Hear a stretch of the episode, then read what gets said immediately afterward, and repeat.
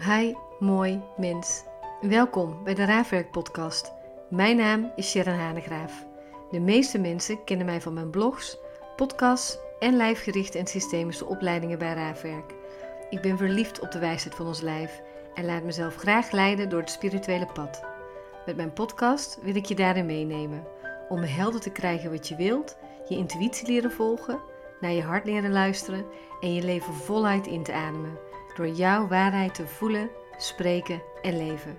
Ik wil je inspireren om het pad van zelfliefde, bewustzijn en vrijheid te volgen, zodat jij het mooiste uit je leven haalt. Laten we beginnen.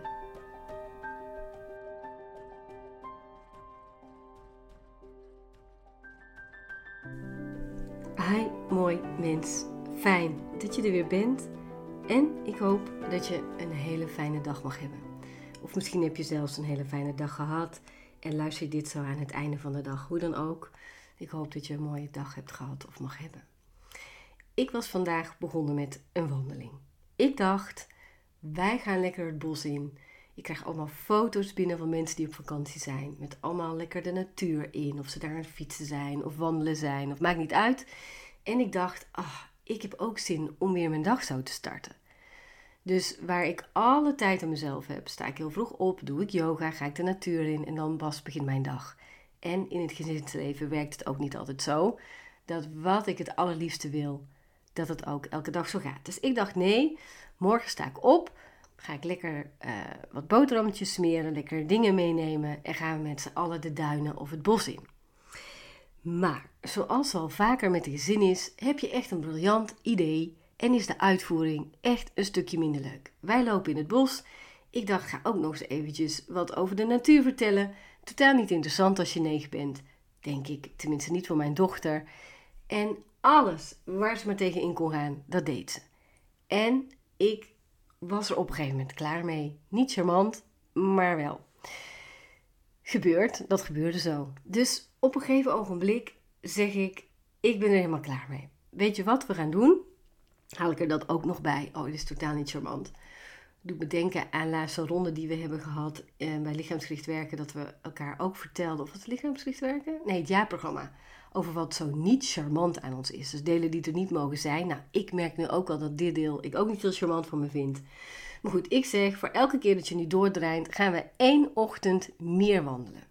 Gaan gewoon elke ochtend het bos in, dat we weer kunnen gaan leren, genieten van dat we buiten zijn, in plaats van alleen maar achter die iPad te kruipen. Intussen heb ik er helemaal zin in trouwens, want ik dacht, hé, hey, we kunnen een bospicnic doen en we kunnen uh, bosbingo doen en we gaan er echt wel iets leuks op bedenken.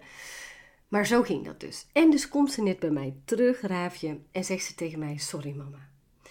En toen zei ik, dankjewel. Ik wil ook altijd weten waarom iemand sorry zegt, want alleen sorry, daar heb je niet zoveel aan, maar waar zeg je dan sorry voor? En dat vertelde ze. Ze zei, ik deed zo flauw. Ik zei, dat is wel een beetje waar, je deed echt heel flauw. Maar het is al goed, ik hou van jou. En zei ze, nou, net in het bos hield jij minder van mij. Ik zeg, nee, nee, nee, nee. Ik kan best even boos zijn. Ik kan het best ergens niet mee eens zijn. Maar ik hou van jou tot de maan en terug. En of ik boos ben of niet, ik zal nooit, maar dan ook nooit minder van jou houden. Dat bestaat niet. Dus haar het gevoel geven en dat ze ten diepste weet wat er ook gebeurt. Mijn moeder houdt van mij. En mijn collega die kwam met een onderwerp aan en die zei: Wil je een podcast opnemen over vertrouwen versus wantrouwen? En dit leren we al heel jong. We hebben daar twee delen in, tussen de 0 en de 6 maanden en de 6 maanden en de 18 maanden. En daar wordt eigenlijk zo'n beetje de basis gelegd tussen het gevoel vertrouwen en wantrouwen. En dat heeft ermee te maken of dat ouders fysiek en emotioneel aanwezig kunnen zijn. Of dat kinderen bedding kunnen vinden en het vertrouwen krijgen. Of dat ze genoeg zijn of dat ze veilig zijn in de handen van die ander. Om uiteindelijk ook autonoom hun eigen pad te kunnen vervolgen. Door bij je ouders weg te kruipen. Door als je kan lopen steeds iets verder weg te lopen. Maar weten, ook al ga ik, ik mag altijd terugkomen. Of als je ouder bent, ook al hebben we even ruzie, ook al ben ik even flauw of ben ik boos of is mijn moeder boos, de liefde zal altijd blijven. Dus onvoorwaardelijk zijn van die ander. Dat vertrouwen te hebben, Ja, weet je, dat vind ik een van de belangrijkste dingen die ik mijn kinderen mee kan geven. Ik ben niet perfect, alles behalve. Ik kan mopperen, ik kan geprikkeld zijn, ik kan boos zijn. En ik ben ook een lieve moeder en een zorgzame moeder. En ik denk best wel een grappige en een plagerige moeder. Ik denk dat ik anders ben dan misschien de gemiddelde moeder in wat ik vertel en wat ik doe en hoe ik haar het leven laat zien. Wat ik dan heel mooi vind, zoals iedereen zich anders voelt misschien en andere dingen laat zien. De een kunst, de ander de wereld van yoga bijvoorbeeld. Maakt niet uit. We hebben allemaal onze mooie dingen en onze dingen waarvan we denken, hmm, had ook anders gekund. Maar boven alles wil ik dat ze het gevoel heeft dat ze veilig is en dat ik van haar hou en dat er niets anders is dan dat. Daar gaat vertrouwen versus wantrouwen over. Mag ik weggaan? Mag de ander weggaan en komt hij terug? En als ik zelf wegga, mag ik terugkomen? En dat is één soort vertrouwen. Maar in de post van deze week heb ik ook over een ander soort vertrouwen geschreven. En dat gaat ook over overgave. Dat gaat namelijk over: ben ik hier alleen op deze aarde? Wat heel veel mensen zeggen: je komt hier alleen en je gaat weer alleen. Ik geloof heilig dat we hier onze reis komen maken en dat we uiteindelijk elkaar vergezellen, allemaal weer op de weg terug naar huis. We komen en we gaan en uiteindelijk gaan we allemaal terug naar huis. We komen hier om onze reis af te leggen, om onze levenslessen te leren. En intussen dat we hier zijn en dat we dit pad bewandelen, lopen mensen met ons mee. Letterlijk loopt iemand met je mee. Maar buiten dat feit omdat iemand letterlijk met je meeloopt, mag je ervan uitgaan dat je nooit, maar dan ook nooit alleen bent. Omdat we allemaal liefde zijn. We zijn allemaal liefde. Dat hoor je honderdduizend keer van mij. We zijn allemaal uit hetzelfde ontstaan. En als je alleen al naar jezelf kijkt in de spiegel, dan zie je een fysiek lichaam. En dan zou je kunnen denken, en dat ben ik. En dat is waar. Maar we hebben ook nog ziel in ons. We hebben ook nog de ziel in ons. Wie wij werkelijk zijn, wie we in ware essentie zijn. Daarom zijn we nooit alleen. Als we in de stilte kunnen komen, kunnen we deze stem van binnen horen. En dan hebben we ook nog de bron, het grotere geheel van waaruit wij zijn ontstaan. Ziel en bron is iets anders. De bron, het universum rondom ons heen, waar we uit zijn ontstaan. En ik heb al vaker zo'n podcast opgenomen of een post geplaatst dat wij universum zelf zijn. Maar we zijn ook ontstaan uit de bron en dat is het universum om ons heen. En de reden waarom ik daar zo op vertrouw in die overgave, is wanneer ik in de overgave kom, alles zachter wordt. Wanneer ik wegga van controle, wat ik klaarblijkelijk dan in mijn eentje moet doen, hè, want zo werkt dat met controle. Als ik dit en dit doe, dan. Als ik nou, zo hard mogelijk werk, dan krijg ik wel die promotie. Als ik vanuit ego en angst en vanuit het magische kind en het systeem dit en dit en dit doe in mijn relatie, dan blijft diegene wel. Als ik maar lief blijf, dan wordt de ander niet boos. Ik kan 180.000 dingen bedenken waarop we allemaal controle willen uitoefenen. Uiteindelijk gaat het over leven en dood. Dat is waar het ego altijd mee bezig is. Het gaat over overleven en over bestaansrecht. Maar wat als ik mijn handen leg in iets groters? En dan heb ik het niet eens over een bepaalde God. Dan heb ik het over dat we bij iets groters horen. Laat die gedachte eens toe in jezelf.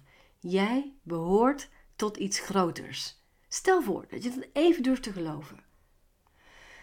En dat je je leven, dat je jezelf in handen daarvan durft te leggen. En dat je weet dat uiteindelijk je gedragen zal worden. Dat je uiteindelijk de lessen die je krijgt, hoe pijnlijk ook de lessen zijn waarvoor je zelf hebt gekozen om die te leren. Dat uiteindelijk de antwoorden waarnaar je op zoek bent op al je vragen al lang in jezelf zitten. Omdat we groter zijn en veel groter zijn dan alleen dat fysieke lichaam. Voor mij werkt dat elke keer weer zo. Laatst heb ik toch de podcast opgenomen over als ik mezelf een vraag stel, dat altijd het antwoord komt. En dan niet het antwoord in dit is het antwoord, maar dat ik in mijn volledige lijf voel dit is wat ik te doen heb. En dat ik daar ook volledig op durf te vertrouwen, omdat ik gedreven word door iets groters. En ik weet dat omdat mijn wil zo sterk is. Die staat altijd met een antwoord klaar in mijn hoofd. Mijn ego staat altijd klaar om een bepaalde kant op te duwen. Die weet het altijd wel ergens beter. Maar dat is iets met overtuigingen. Dat is het magische kind in mij, die altijd de antwoorden klaar moest hebben in het gezin, waardoor ik het altijd wel beter weet. En toch, als ik met een vraag rondloop, weet zelfs dat ego niet altijd het antwoord te geven, weet ik het niet altijd beter. Tenzij ik mezelf overgeef en dat ik zeg: geef me een antwoord en laat zij een dame tegen mij met hetzelfde, dat ze dat ook zo deed en dat ze zei: en ik zal dit keer luisteren. En precies hetzelfde zeg ik dan ook. En ik zal luisteren omdat ik weet dat heel mijn lijf vol rust komt. En ik weet ook dat dat niet ego is. Omdat ik soms al honderd keer een lijstje maak links en rechts. Maar als ik me over durf te geven aan dat wat groter is dan ik ben, los van de controle omdat het toch alleen maar een illusie is, dan weet ik dat heel mijn lijf, in heel mijn lijf, de antwoorden zitten. En heel mijn lijf tot rust komt of juist voorwaarts wordt om dat te doen wat ik wil doen. En dat kan ik vanaf dag 1 voelen en dat groeit met de dag. Zolang ik maar durf te vertrouwen. Want anders gaat mijn ego met stemmen eroverheen en ego wint zo'n beetje altijd totdat ik weer terug durf te komen op dat grotere geheel.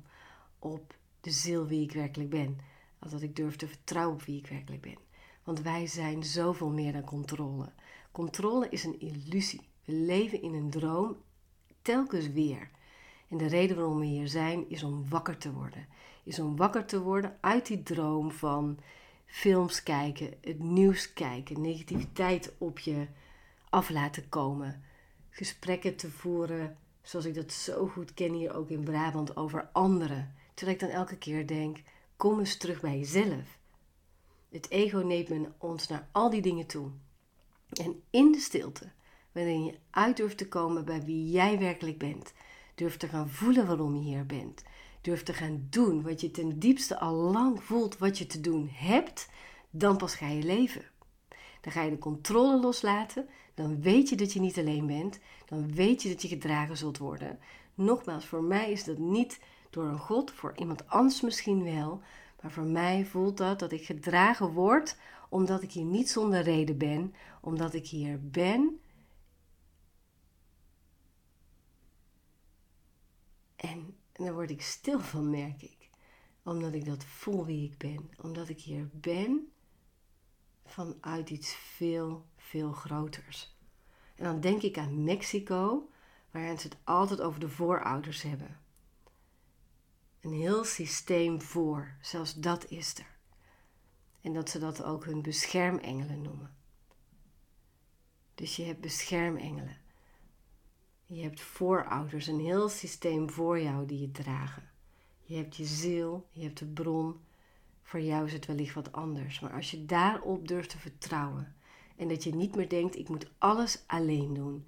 En dat je in je kleine wereldje alles maar met hekjes eromheen, bijna tot het benauwende aan toe controle probeert te hebben dan zal je gaan zien dat wanneer je je overgeeft aan het leven, alles op de pootjes terechtkomt, omdat het altijd al is bedoeld voor jou hoe het leven loopt. Of je nu controle wil houden of niet, het werkt niet zo. Ik had een post geplaatst op LinkedIn en Instagram over ongewild kinderloos zijn. En misschien ga ik daar nog een uitgebreide podcast over opnemen. Ik dacht al die tijd op mijn 28e, ja, dan wil ik kinderen. Dat wil ik niet, dat ik niet al die tijd op bedacht, maar dat voelde ik toen ik 28 was. Ik heb velen gekregen op mijn 43ste.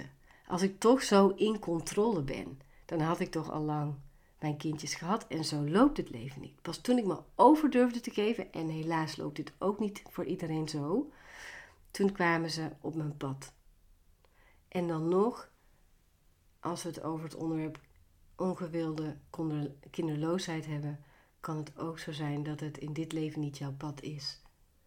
Maar met heel veel liefde en heel veel respect ga ik daar een nieuwe podcast over opnemen, omdat ik vind dat dat veel meer aandacht verdient. Maar ik wil alleen maar aangeven dat ook al denken we van alles, ook al denken we altijd bij onze partner te blijven, ook al denken we altijd bij onze partner te blijven omdat hij de vader of moeder van je kinderen is, ook al denken we uh, met onze broers en zussen uh, gelukkig verder te leven, met onze ouders, denken we een bepaalde baan te houden, denken we gelukkig te zijn in een huis en willen we een paar jaar later toch weer iets anders. Weet je, het leven loopt zoals het loopt. En durf je er eens aan over te geven. En kijk eens wat voor magie er op je afkomt. Want dan eindelijk word jij wakker. En het enige wat je ervoor nodig hebt is te vertrouwen erop dat je niet alleen bent. Nou, ik wens je daar een mooie reis in toe. En uh, het is een van mijn langste podcasts, zie ik. Ook één waar ik zo in geloof. Ik wens je heel veel liefde toe vandaag. En durf eens beetje bij beetje uit te komen bij wie je werkelijk bent. En dat is veel groter dan alleen dat fysieke lichaam als je in de spiegel kijkt. Heel veel liefs. Doeg!